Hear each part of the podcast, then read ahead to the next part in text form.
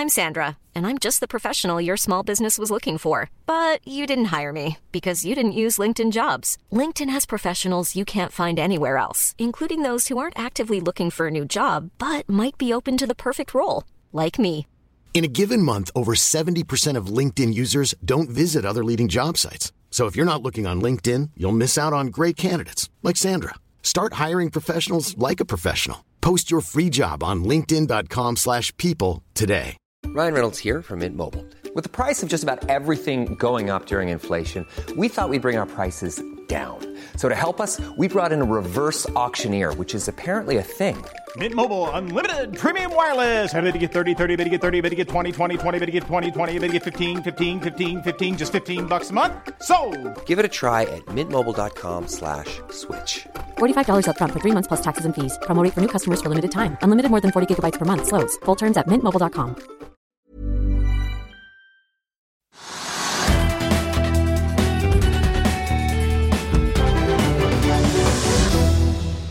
En riktig god mandag alle sammen, og velkommen til en ny uke her med oss i Finansavisen TV. Du ser på Økonominyhetene. Kalenderen viser 28. august. Mitt navn er Marius Lorentzen sammen med Trygve Hegnar her på plass på Smestadammen i Oslo. Vi skal se nærmere på oppkjøpsbudet på Kahoot, Equinors nyeste klimainvestering, shipping og mye, mye mer på en dag der pilene peker oppover. Ikke bare for Viktor Hovland, som vi får gratulere da med den imponerende seieren i FedEx Cupen i Georgia i natt. De peker også oppover på børsene. Asia endte opp rundt prosenten hvis vi ser på de store indeksene i dag. Det er grønt rundt oss i Europa. Hovedindeksen foreløpig opp ja, nesten en prosent nå etter forrige ukes fall på en snau halv prosent. Futures Wall Street peker også i pluss etter at markedet, eller nå som markedet er i ferd med å flytte blikket fra Jackson Hole og over mot ukens inflasjons- og jobbtall i USA, samt også de tallene vi får da fra eurosonen. Like mye eufori er det ikke hvis vi ser på oljeprisen. Amerikanske VTI-en har ikke klart å bryte gjennom 80-grensen som vi så da forrige mandag. Ligger nå vaker rett under på 79,97 så får vi se om vi får åtte tall i løpet av ettermiddagen. Nordsjøoljen litt mer ned til 83,95, ned da nesten 0,2% i dag. Mer interessant for en del oljeaksjer her hjemme, i hvert fall de med gasseksponering, er at nederlandske gassprisen TTF er opp et par prosentpoeng i dag. Ligger og vaker mellom 36 og 39 euro per megawatt-time, avhengig av hvilken kontrakt du ser på. Det skjer da etter at Chevron i Australia har fått streikevarsel fra de fagorganiserte på dette LNG-anlegget, som jo, litt avhengig av utfallet her, kan gi ganske store kapasitetsuttak fra LNG-markedet, som igjen da sannsynligvis vil presse gassprisene oppover i Europa, nå som høsten er her, får vi si, og vinteren nærmer seg.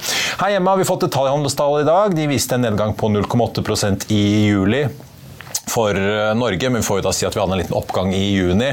Sannsynligvis så kan vi kanskje regne med at det er et noe kjøligere vær og mer regn i juli som gjorde at nordmenn kanskje da var litt mer forsiktige i de varme ukene.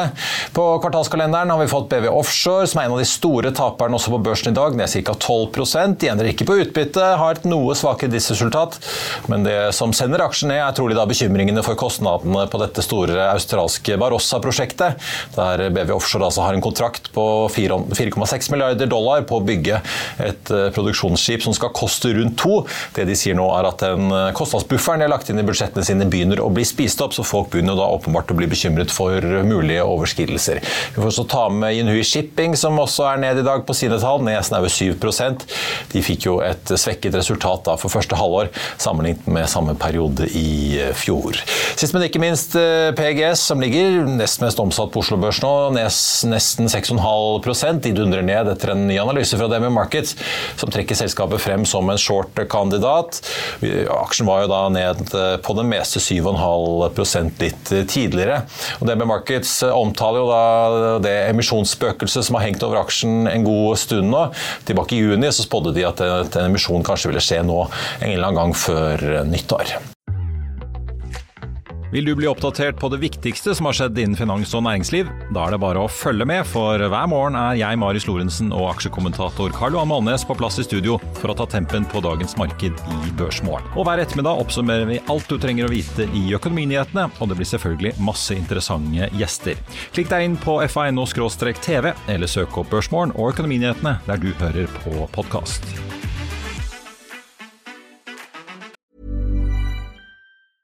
Hiring for your small business? If you're not looking for professionals on LinkedIn, you're looking in the wrong place. That's like looking for your car keys in a fish tank. LinkedIn helps you hire professionals you can't find anywhere else, even those who aren't actively searching for a new job but might be open to the perfect role. In a given month, over 70% of LinkedIn users don't even visit other leading job sites. So start looking in the right place. With LinkedIn, you can hire professionals like a professional. Post your free job on linkedin.com slash people today. I'll see you in court. Vi sier det ofte litt på spøk, men for deg som driver business, er det aldri moro å innse at du ikke har laget en 100% gyldig kontrakt. Du bør ikke risikere hele firmaet ditt fordi du synes dette med kontrakter er litt stress. En avtale er ikke en avtale. Du kan miste kunder, miste venner, ja, til og med miste inntekter om du ikke lager en skikkelig kontrakt, på alt mulig, egentlig. Men vi vet det er et styr. Kopimaskiner, tregprinter og haugevis av papir. Dessuten stoler vi jo på folk her i landet. Det er ofte litt kleint å skulle be om en signatur for alt mulig, ja, for mye av styret handler også om jakten på underskriften. Det finnes en enkel måte å løse dette på, Dukkobit, en trygg, effektiv og get this, gratis måte å sikre seg en god natts søvn pluss en juridisk bindende avtale. Dukkobit-appen har de strengeste sikkerhetskrav i bunn, samt en EU-godkjent og sertifisert teknologi. Framover vil det bli behagelig å spørre du, skal vi skrive under på det, eller? Kom i gang på dukkobit.no.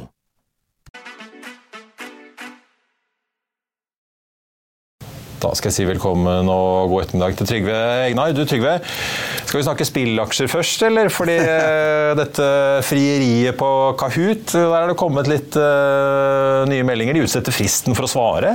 Ja, altså der er det litt pussige saker hele veien. Fordi at for det, det, Den fristen som da var, det var vel, hvis jeg husker rett, så var det 25. august. Ja, det var vel nå fredag. Ja, så det gikk ut da. Og, så, før helgen. og da hadde de ikke fått inn de antall aksjer de måtte ha. De har jo sagt at de skal ha 90% oppslutning, ellers kan det ikke, nei, det blir ikke noe av.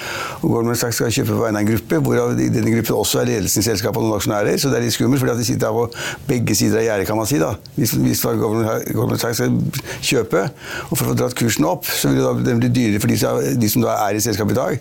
slik at De vil ikke ha noe særlig insentiv hvis man skal kjøpe til å få kursen opp, så da holder de kanskje, sier noen, eh, kursen kunstig nede. Det er liksom bakgrunnen. også. Og så er det, det har kommet altfor få bud, og så har Goldman Sachs de, har ikke, de sier som de alltid sier, at eh, vi kommer ikke til å øke budet vårt. Det er ingen som sier det. Ingen som sier at i neste uke vil vi øke budet. Det er ikke sånn det foregår. De sier konsekvent vi kommer ikke til å øke budet. Det vet vi ikke om det skjer. Og I tillegg så har vi jo sett at noen av hovedaksjonærene har solgt aksjer under den kursen de snakker om. 35 kroner for aksjer. De har solgt på 32-33.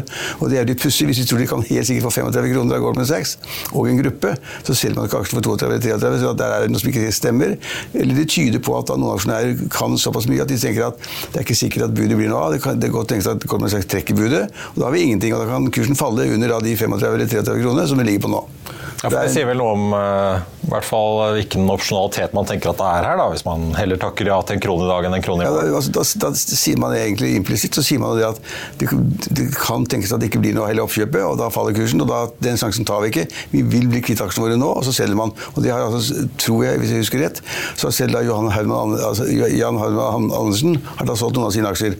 Han har så mye aksjer at det monner kanskje ikke, men han har solgt noen. Kanskje for å markere et eller annet, eller kanskje for å, at han ikke er så sikker på at oppkjøpet blir noe av. Ja. Han er ikke med på oppkjøpet, selvfølgelig. han skal se det. Litt, uh, En interessant parallell tenker jeg, i hvert fall i teknologisektoren er jo Activision Blizzard, som Microsoft prøver å kjøpe. Warren Buffett, som jo er en rutinert investor i Berkshire Hathaway, de har også gjort, solgt unna aksjer da, i Activision i forkant. Uh, antar jeg da, For å sikre seg penger i dag. Der har det jo vært mye spørsmål om konkurransemyndigheter og sånn, men det er jo noe av det samme man ser. At man Ja. tar pengene i dag av bordet. Det finnes masse eksempler på at man har hatt den type forsøk på oppkjøp, da, hvor da liksom da noen har blitt nervøse, og så selger de en, en lavere kurs, og har kommet vel godt unna det, for ofte blir det heller ikke noe av. Man blir ikke enig, det kommer ikke nok. altså Hvis man sier at øh, aksepten må være minst 90 det er jo ganske mye, da. Det Var er, de på 59? de er nå på 59, sånn, det er langt derifra, men ofte er det jo slik at det er 90 som er kravet. Og hvis man da ser at de kommer ikke dit, de er liksom over sin egen situasjon, det er ikke nok selgere. De, selgerne, de som eier aksjene sier at det er verdt mye mer, det sier man jo alltid, men altså de sier uansett det er verdt mye mer. De kommer ikke til å selge, og da kan da noen bli nervøse, og så selger noen andre ut. Kursen ligger jo nå på 33,67 i dag, da, så vidt i minus i dag. Eh, Det er jo ikke mer enn en drøy krone og 30 øre unna budprisen. Altså litt, man må få gjøre sine egne vurderinger her, men eh, Ja, det som litt du rart kan jo ta pengene i dag hvis du er i småinvestor og bare i gå seg tappe en krone 30. Man kan ta pengene i dag, men husk på at aksjene har vært over 100 kroner. da. Og det var noen veldig innsi- innsidepersoner som kjøpte masse aksjer på over 100 kroner. Så 35 den da er iallfall veldig lav, langt under den høyeste kursen jeg har sett. Folk går kanskje oppe på at en eller annen, skal, annen hvit ridder skal komme inn og by 45-50. Ja, akkurat nå ser det ut som det ikke blir noe av i det hele tatt. Eller at Sachs da må heve, som da mange kanskje tror akkurat at de vil gjøre. Men så er det den lille prosenten som, tror at det ikke vil komme i det hele tatt, og som da selger unna akkurat nå. Så ja, det er en meget usikker situasjon. Jeg ville ikke satt mye pengene på at Gorman Sachs kommer med et høyere bud. Det ville jeg ikke gjort. Vi får se hva det gjør. Styreleder Andreas Hansson har i hvert fall anbefalt eh, budet, så får vi se. Eh, Trygve, vi skal snakke litt havvind og Melkøya, men siden vi skal innom Equinor, så tenkte jeg nesten må nevne en nyhet som eh, har kommet fra den fronten i dag. Equinor kjøper nemlig en fjerdedel av karbonfangstprosjektet BioBend da i Sørøst-Texas. Et prosjekt som kan bli en av USAs eh, største. Equinor vil jo da mode frem, eller de har da mål om å mode frem prosjekter på mellom 15 og 30 millioner tonn årlig fangst fra og med 2035. Og i dette BioBend-prosjektet så er det i hvert fall rikelig med plass, ifølge uttalelsen fra Equinor i dag. En kapasitet på 1000 millioner tonn, eller altså en milliard eh, tonn er det. Prosjektet blir et samarbeid mellom Chevron, Talos og da Equinor i et område av Texas, eh, Trygve, hvor det slippes ut fra industrien rundt 100 millioner tonn årlig, så det bør jo være rikelig å ta bare noen er villig til å betale for dette her. Ja, men hva skal man betale, ikke sant? Og hva blir prisen? Og det er litt pussig akkurat at, de har inngått den kontrakten nå, da, og vist interesse for da, kapring og, og lagring. Ja, de viser den interessen samtidig med at, man da har, har utviklingen i Nord-Norge, i Finnmark, eh, hvor da på en måte statens satsing er jo på elektrifisering. Equinor vil ikke ha CCS som dette eh, på Melkøya. Nei, De, de, altså, de syns det er kjempefint at eh, staten kommer inn med penger. eh, Og at man da på en måte da bruker den strømmen som er i Nord-Norge, til, da, til å på en måte da få bort gassen og elektrifisere. Og det, Hvis Equinor skulle betalt alt sammen selv, så ville det blitt så dyrt at det ville altså Equinor aldri gjort. Men nå har man fått den der sammenhengen mellom Equinor og staten, og da statens interesse av å få havvind på plass. Og de får ikke havvind på plass, og de klarer kanskje ikke å sikre energitilførselen i Nord-Norge uten å få, uten å få gassen ut og, og, og strømmen inn. slik at det er kjempeuklart. og jeg, altså, Min, min ryggmargsfølelse sier meg at havvindprosjektene blir kjempekostbare. Man vet ikke hva det vil si å bygge dem ut, det har man ikke peiling på. Og så vet man ennå heller ikke hvor mye staten vil bidra med. Og staten har sagt at vi bidrar, vi skal sette det i gang, vi skal hjelpe havvindprosjektet til å bli stort. Og når man da får i gang da Melkøya, så skal man kanskje tenke seg andre steder hvor man også da skal erstatte gass med strøm.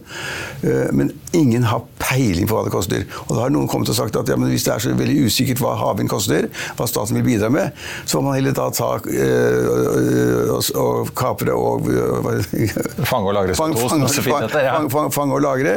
Eh, Og det er mange som sier at det er også veldig dyrt. Men det er mye billigere enn det, det de planlegger nå, da, med havvind og da eh, tilførsel fra strøm fra land. Så at, ja. Det er jo, ja, for det er veldig interessant. Equinor, i hvert fall i Hammerfest Melkøya-tilfellet, sier at det blir langt dyrere enn å elektrifisere. Det kommer vel kanskje Ja, en- litt an på hvilken side av bordet man sitter på, da, men hvis man ser på hva som skjer i USA, der Equinor nå tydeligvis investerer et ikke-navngitt eh, beløp for å bli med på dette her. Både Chevron og Exxon har jo vært ute på kjøperen. Exxon kjøpte jo et selskap som har masse rørledninger som frakter CO2 for industribruk i dag, i sommer. Denbury, som de skal bruke til å levere på fangstkontrakter de har inngått. Og de lover, det er, jeg husker ikke akkurat tallet, men det er flere millioner tonn de skal fange og lagre for andre industriaktører eh, innen, altså lenge før 2030, har Exxon sagt. Og hvis de sier det, så pleier de jo å kunne levere på det. Og de er jo ikke akkurat kjent for å være de mest proaktive med grønne investeringer. De er jo relativt konservative i, i beregningene. Så hvis de nå går inn og gjør oppkjøp innen karbonfangst, så virker det jo som det er kanskje er et område som, hvor det skjer mer og er mer muligheter for lønnsomhet. kan, Da. kan tenkes, men det er kjempekostbart. Ja, da. Ja. Altså I Nord-Norge og på Melkøya så går hele poenget nå det er jo det at det krever så mye strøm for å få den gassen vekk. Og så kostbart er det at man regner med at all den nye kraft man klarer å utvinne eller utvikle i Nord-Norge, alt sammen kommer til å gå med til å få bort gassen og, få inn, og, og elektrifisere da på Melkøya. Og det er jo helt tullete. Over tre terawattimer i året. Det er jo helt tullete, og derfor sier noen det at Regjeringen sier faktisk også, de sier at ok, hvis det blir vanskelig å bygge ut havvind og solkraft og alt det, vi trenger, så må vi sørge for at gassverket består i to, tre, fire år etter at det egentlig skulle da slutte, i, i 30. reservekapasitet. Reservekapasitet. Og du vet, når de sier det nå, så blir jo det gassverket stående veldig lenge. De har jo, Finnmark er jo ikke så godt koblet på resten av Norge, så de kan jo ikke risikere utfall Nei, ikke i kraftnettet der oppe fordi Snøhvit tar alt. Nei, men Tenk deg hva de skal bygge ut av havvind eller sol eller hva det måtte være. Da. Altså for da å dekke det, behovet som er. Det er kjempestort. Og de har sagt at det, omtrent alt det man i dag kunne tenke seg av kraft som vi har i Nord-Norge, vil gå med til å dekke elektrifiseringen. Derfor må de bygge masse nytt for å dekke opp det. Og de har også sagt at de skal bygge med, så mye nytt at det kommer over det man bruker i dag. Men alt dette er kjempeplaner, usikre kostnader, usikre inntekter. Det er, altså, staten har satt i gang noe kjempestort, og Equinor de var sannsynligvis på bakrommet syns at, syns at dette er fint, da slipper Equinor å bruke så mye penger, for staten bruker mer. Eller andre må bruke mer. Og så viser det seg at det som du nå tar opp, det at Equinor er ganske god, kan iallfall tenke seg å bruke da penger på kapring og lagring andre steder. I USA, hvor de kommer til å få jeg antar de, regner, de kommer til å rigge seg sånn at de får eh, støtte fra Inflation Reduction Act på dette her. Ja, det, det, der, der skal alle ha penger fra. Ja. Hvis de får penger derfra, så går alt bra. Det går alltid pluss. Men det blir veldig spennende å følge med. Nå er jo auksjonsrundene på havvind i Norge utsatt noen uker. Vi får jo svar på hvem som vinner frem en eller annen gang neste år. Ja. Men så langt så har vi i hvert fall sett Equinor har skrinlagt hele dette store Trollvind-prosjektet som de skulle bygge på egen hånd. Det ble altfor dyrt. Fordi det blir for dyrt. Og det er utbyggerne, og vi vet at utbyggerne i USA, inkludert Equinor, Vattenfall og flere, vil vri seg unna kontraktene hvor de har låst seg på pris, som heller ikke er så lønnsomt lenger. Og så ser vi jo på leverandørene, Vestas, Siemens, de sliter også tungt og går i minus, mange av de. Fordi de sliter med selve leveransen av disse vindmøllene. Så det er jo en næring hvor det åpenbart er mange floker om dagen, og mange som sliter om å rigge seg om for å klare å få butikk av dette her. Hvis Ja, de klarer det. Ja, det er absolutt riktig. Så er det et tilleggsmoment. og det er at, at staten altså de har i dette tilfellet her ikke villet gå i- ordentlig gjennom det alternativet. Så det er politikere på Stortinget som sier at staten gjør ikke det de skal. Det er lovet oss å liksom virkelig gå gjennom fanging og lagring ordentlig. Og så staten ga grunnen blaffen. De sa havvind. Vi driter i fanging og lagring. Det var det de sa. Jeg merket meg at Terje Halleland i Frp han sier han vurderer å dra olje- og energiministeren inn, på, inn til kontrollkomiteen, så vi får se hva det ender med. Eller også, også Venstre er ganske kraftig i den retningen. Altså, de, finner seg, de finner seg ikke i at staten ikke gidder undersøke det og gjøre ordentlig. Det har jeg faktisk litt, sansen for. Saken er eh, ikke over. Skal vi snakke litt eh, Jeg får bare ta med deg en av de aktørene som skal by, som er langt mindre enn eh, Equinor Magnora. Er det oppkjøps tydeligvis friere på døren nå, i og med at de vurderer en prosess? Den aksjen stiger en 10 i dag. Ja, det får kan- vi se. Gamle Lundin Norge-sjefen som er med der. Skal vi snakke litt eh, shipping og tank? Ja. Frontline opp 70% i år. Det virker som euforien har ikke gitt seg. Nei, men altså Poenget er at veldig mange tror at eh, altså For det var shipping veldig bra i fjor, da. Innen offshore og rigg og alt mulig rart. Man nesten viser bare Petter Haugen ABG skrev jo i dagens avis om Ja. Ståltroen han har på Han tank fremover. han har ståltro på tank, tankmarkedet, og det, er, det skyldes av det at man tror at produksjonen vil bli vesentlig høyere, og at det skal fraktes mer olje over lengre avstander, som er den gamle argumentasjonen. Og det har noe for seg, så at man de regner og regner, regner og sier at liksom det skal da fraktes mer olje til Kina, det skal faktisk mer olje til og fra USA osv. At behovet øker for mer, mer transport, og at transportavstandene er lengre. Og at eh, mulighetene for å utvide flåten er liten. Det er veldig lite bygging i forhold til den totalkapasiteten. Da. Noen prosent i forhold til den flåten man har, som er lave tall. Han sier at dette blir det penger av for alle sammen, og da har vi også sett at, eh, at Torbjørn Nei, at, eh, at eh, Nei, at Herbjørn Hanssons rederi Nordic American, ja. ja, De kom også med tall nå, og det var tjente penger. De tjente kanskje ikke mye penger som man, man kunne få inntrykk av, men de tjener penger. Så tank, liksom enten stort eller smått, er da veldig inn for tiden, og folk tror at markedet vil bli hot. Og da har det mange eksperter sett etter lenge og kjøpt av Frontline, som du sier. Kursen er veldig mye opp. Og så kommer det anbefaling om at man bare kaster seg inn og kjøper tankaksjer. ja. Ja. Det er jo mange bevegelige deler. Da. Det er rykter om at USA vil slippe opp enda mer på sanksjoner mot Venezuela. Litt, at de kanskje lar ting gå litt Ja, er Iran for å få mer olje Ja. ut i markedet. Men det er jo det er ikke så veldig mye håndfast. Men man spekulerer i politikk. altså i Venezuela, Hvis de kan eksportere mer, så trenger de skip for å frakte den oljen. ikke sant? Og det er, ja, så det er jo liksom Hvor mye går det til og fra USA? ikke sant? Altså Hvis USAs produksjon brukes innenlands og ikke fraktes bort, så blir det mindre behov. ikke sant? Og Hvis Kina skal kjøpe olje i andre land enn Russland, kanskje, så er også behovet større. Men det som, er, det som ligger i bunnen, og det jeg har lest i alle analysene, det er at alle regner med at transportavstander blir lengre. Og da trenger man mer tonnasje. Altså, de som spekker i tanken og de ja, det, det er ikke den verste spekulasjonen man kan gjøre.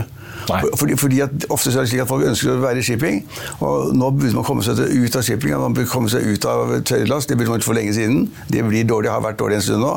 Og Derfor så faller jo kursen på tørrlastselskapene, som du var inne på i Inhu i dag også. Så hvis man må, absolutt må være shipping, så er tank mye bedre enn tørrlast, for det er, det er faktisk et, dårlig- et dårlig segment. Eller- tror, ja, hvis, ja, Det kan jo være hvis du tror at det verste er over, da, med at Kina-festen ikke blir noe av. At liksom det er priset inn, så da kan det ikke bli så mye verre tørrlast? Jeg vet ikke. Ja, det, altså, Tørrlast blir dårlig, for det er så helt avhengig av de lastene til og fra Kina på alle mulige områder. Og det ser dårlig ut i Kina, vi kan ikke lure oss der nå. Så det, hvis man absolutt vil være shipping, så er tank mye bedre enn tørrlast. Og så er det ingen som vil heller ikke være LNG-farten. Og så er det en del som sier at det er litt diskutabelt om da biltransporten også vil bli bra. For at biler, biltransport, Marius, det er ikke bare biler. Det er liksom da tunge maskiner, traktorer og Det er sånne gigantmaskiner fra Caterpillar og ja, det er nettopp det. Det er ikke biler, altså da spesialmaskiner som krever kraft. Og hvis behovet for det går ned, altså hvis det er lavere etterspørsel i Kina eller USA eller Europa eller hva det måtte være, så vil også interessen for biltransport være dårligere. slik og så går, kommer det jo rykter om at bilsalget er klin elendig. I Norge er liksom faller det med 30-50 altså milliarder kroner i år. Det er jo helt vilt. Uh, man solgte kanskje 178 000 biler for det siste året. Og i år kan det kanskje bli 120-30 eller noe sånt. Jeg sier ikke at det er billig i andre land, jeg kan bare Norge. Norge selv blir vesentlig mindre færre biler. og behovet for å, I Drammen så står det 10 000, si, tusenvis av biler som ingen, ingen, vil ha. Og hvis det fester seg i Europa for øvrig, så vil det da svekke da det selve bilmarkedet. Og hvis de kombinert da med at disse spesialmaskinene kanskje da ikke er så ettertraktet som de var, og man transporterer mindre av det, så er også bilmarkedet litt utsatt da. Men det gjenstår fortsatt at veldig mange tror på da, En del av shippingen er jo offshore og oljeservice. og det er, de er borerigger. ikke sant? Det er, det er, shipping, det også. Det tror veldig mange på. Satte veldig mange, mye penger på det. Borr, f.eks. Andre Odfjell har begynt å betale utbytter igjen. Og, ja, så ja. Der, der, blir det litt penger. og Man satser også på at de som ikke har hatt tjent noe særlig før, skal tjene penger nå, og at de kan da betale utbytter. slik at Det er en del av shippingmarkedet som fremdeles lever. altså Oljeservice og tank lever. Og så er det et par og tørrlastmarkedet er dårlig. Jeg merker meg at Haugen i ABG er eh, negativt til LNG som nå er inne på Ås og container, hvor det har kommet mye kapasitet inn. Container er jo klassisk ja. tulleting. Altså, det var jo litt en, periode rett opp fordi at man skulle frakte alle Under pandemien, ja. frem, pandemien, frem og tilbake til Kina og ikke Kina osv. Og, så, og Marius, hvor vanskelig er det å lage en containerskip som består av sånne blikkbokser? Det må være verdens letteste oppgave å lage et containerskip, og det har også startet med. Jeg tror det, det er overbygget opp og ned, og derfor vil containerfarten bli dårlig lang tid fremover. Får, uh, typisk reder, altså den typisk sånn reder, Redermentalitet, ja. ja. Alle skal med. Altså, når det går kjempebra, så skal alle kontrahere mer. Og så går de inn og kontraherer mer i et marked hvor det å produsere skip er kan alle gjøre. Ja. Blikkbokser.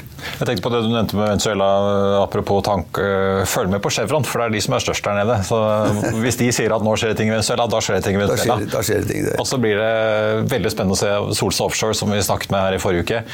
Går nå inn i en stor refinansieringsprosess. De har en del forfall på nyåret. Kvitter seg med masse gjeld nå, selger en del skip unna til Tideboat i USA. Men uh, det blir jo interessant å se investorinteressen og bankenes interesse for å være med og finansiere dette her videre. da. Ja, altså Det som har skjedd nå, det var litt interesse for Solstad. fordi at de, På driften så rimelig hyggelig så tjente noen penger osv. Men gjeldsbelastningen er helt enorm fortsatt. De er ikke i nærheten av å ha refinansiert. Og de har en enorm gjeld som de ikke klarer å få unna. det er over 10 milliarder som skal refinansieres ja, altså før sommeren neste år. Men... Ja, det kan godt, godt tenkes at det går litt bedre på driften, at det kan tjene noen hundre millioner kroner. Men hvis du liksom har 10-15 milliarder som skal refinansieres, så er det deep shit uansett. Og der er de. Vi skal, se, vi skal følge med. Det blir en interessant temperaturmål i hvert fall.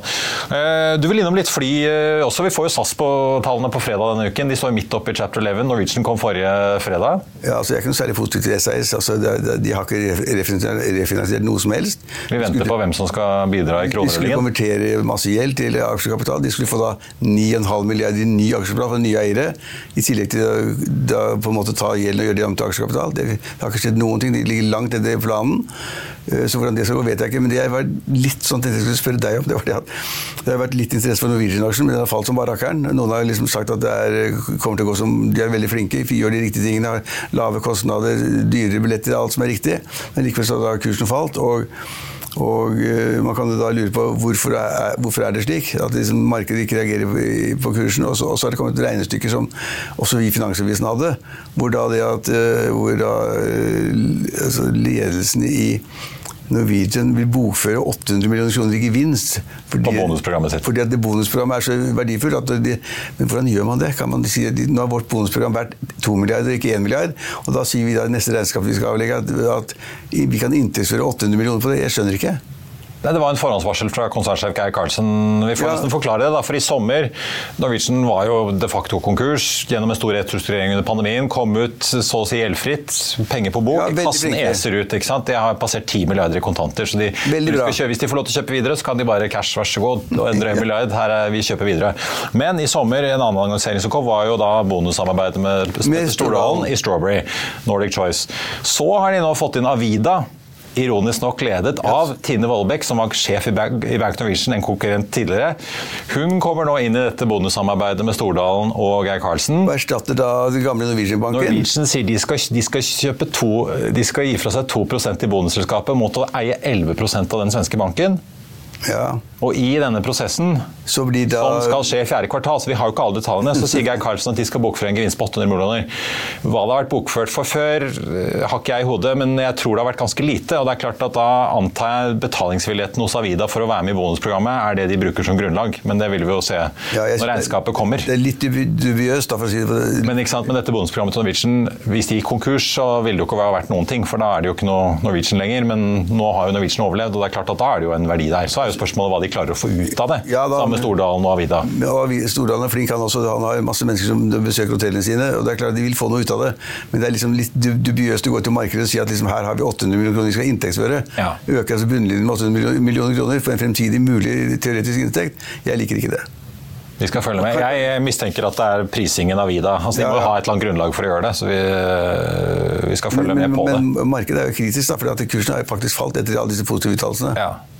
Men det var nok også at de kuttet kostnadsguidingen sin. Eh, De har jo lovet at de Eller de hadde som mål, har de i hvert fall sagt, at de skulle ha et kostnadsnivå før drivstoff som skulle være lavere i år enn i fjor. Men det sier de at de klarer ikke lenger, fordi at Nei, kostnadene i hele luftfarten stiger. Altså dette som vi snakket om på fredag med Christian Kamhaug, eh, altså Lufthansa alle mellom dette. Det er ikke noe fenomen, dette er et bransjefenomen. Ja, men som derfor går det ikke så bra som man trodde heller.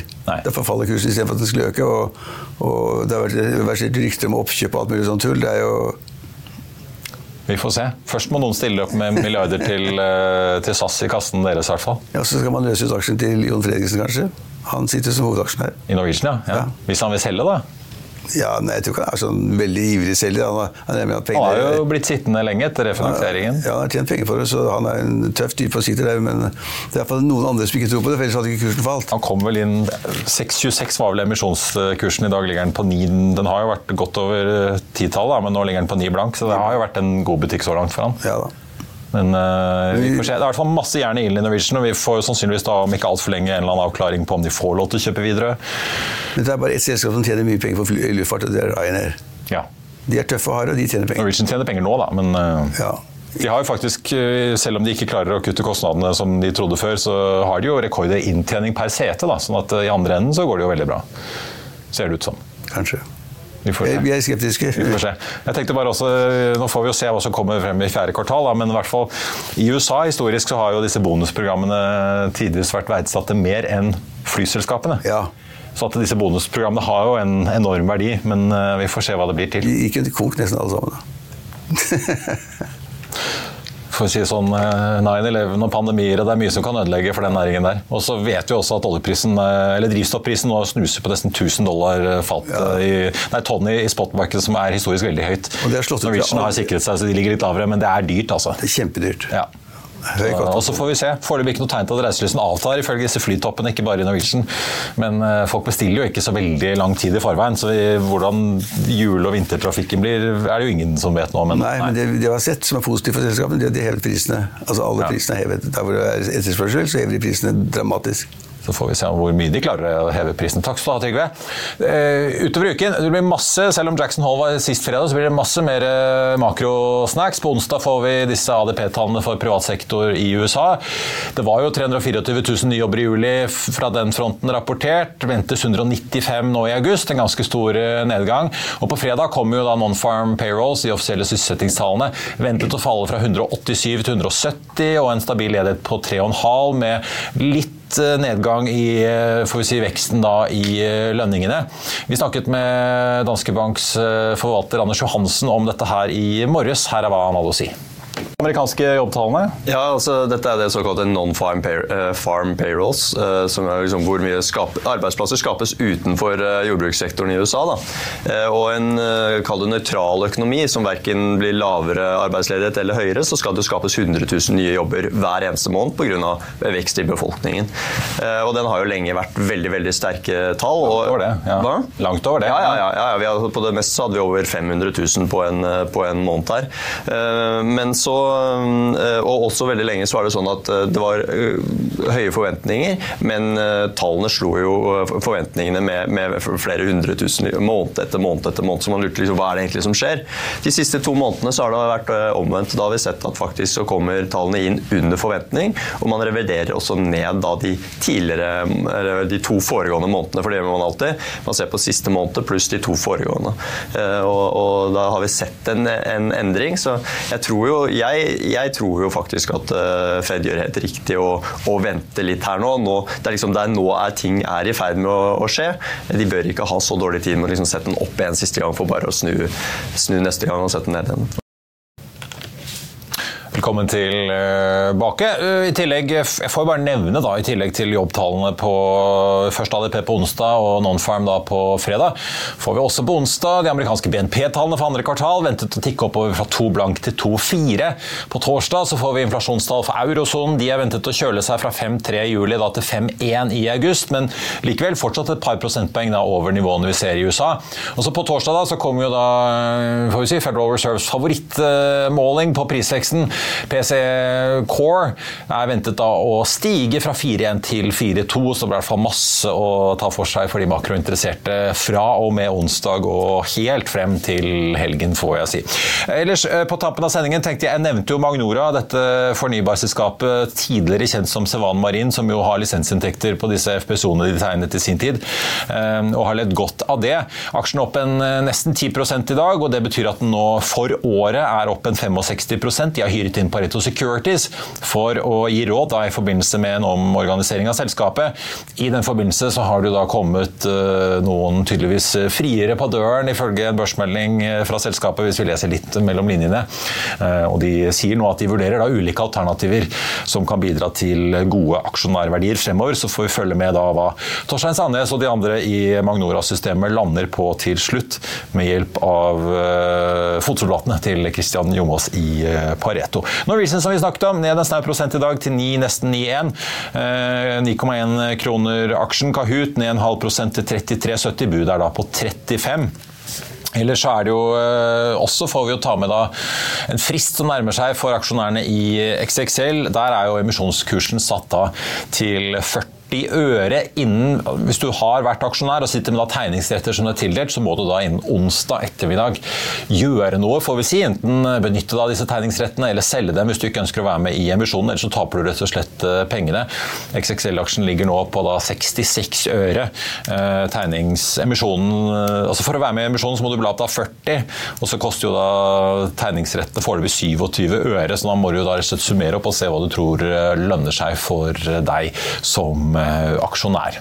Ellers, på Oslo Børs, hovedveksten ser ut til å få en veldig pen eh, dag, opp 0,83% nå til 12,40 1242 poeng for å være 1242,18 for å være helt uh, presis. Det hjelper jo på da etter fallet på en snau halv prosent i forrige uke. Det er grønt rundt oss. Rund baut i Europa. Futures på Wall Street peker også mot en veldig hyggelig start når børsen der åpner om 29 minutter. Og Det skjer da til tross for at vi har en eh, nedgang i oljeprisen på ja, 0,3 til 83,80 omtrent. Likevel eh, aksjer som Equinor opp 1,1, og vi har også Aker BP opp 1,1. Og skal vi titte etter vår energi her her eh, også, som ligger opp en 0,92. De får jo da sannsynligvis aller mest drahjelp av gassprisen som tikker oppover i dag, når det nå har kommet eh, streikevarsel fra de fagorganiserte på dette Chevron-anlegget, hvor de da produserer LNG for eksport ut i verdensmarkedet, som jo igjen ved mindre LNG-tilgang vil presse gassprisen oppover i Europa. Alt annet like, som det så fint eh, heter.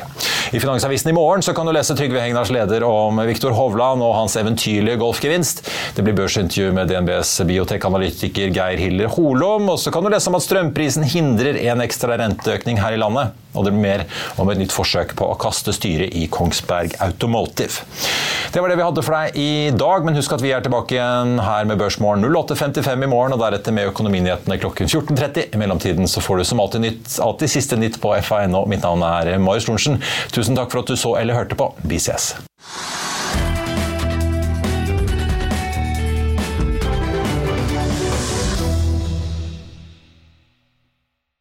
Økonominyhetene er en podkast fra Finansavisen. Programledere er Marius Lorentzen, Stein Ove Haugen og Benedikte Storm Bamvik. Produsenter er Lars Brenden Skram og Bashar Johar. Og ansvarlig redaktør er Trygve Hegnar.